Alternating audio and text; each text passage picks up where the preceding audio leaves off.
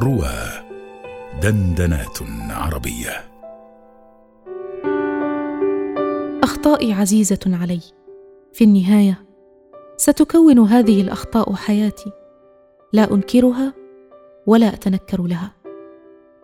لأنها ستذكرني دائما أنني استطعت القفز عبر فوهة من النيران دون أن أحترق وإن علق بي بعض من آثارها. سأشعر من خلالها بزهوة النصر وبالإدراك والمعنى الكامن في الهزيمة وبقوة المحبة. ستذكرني دائما بيد الله التي تحوطني ولم تفلتني ولم تتركني ابدا في العراء.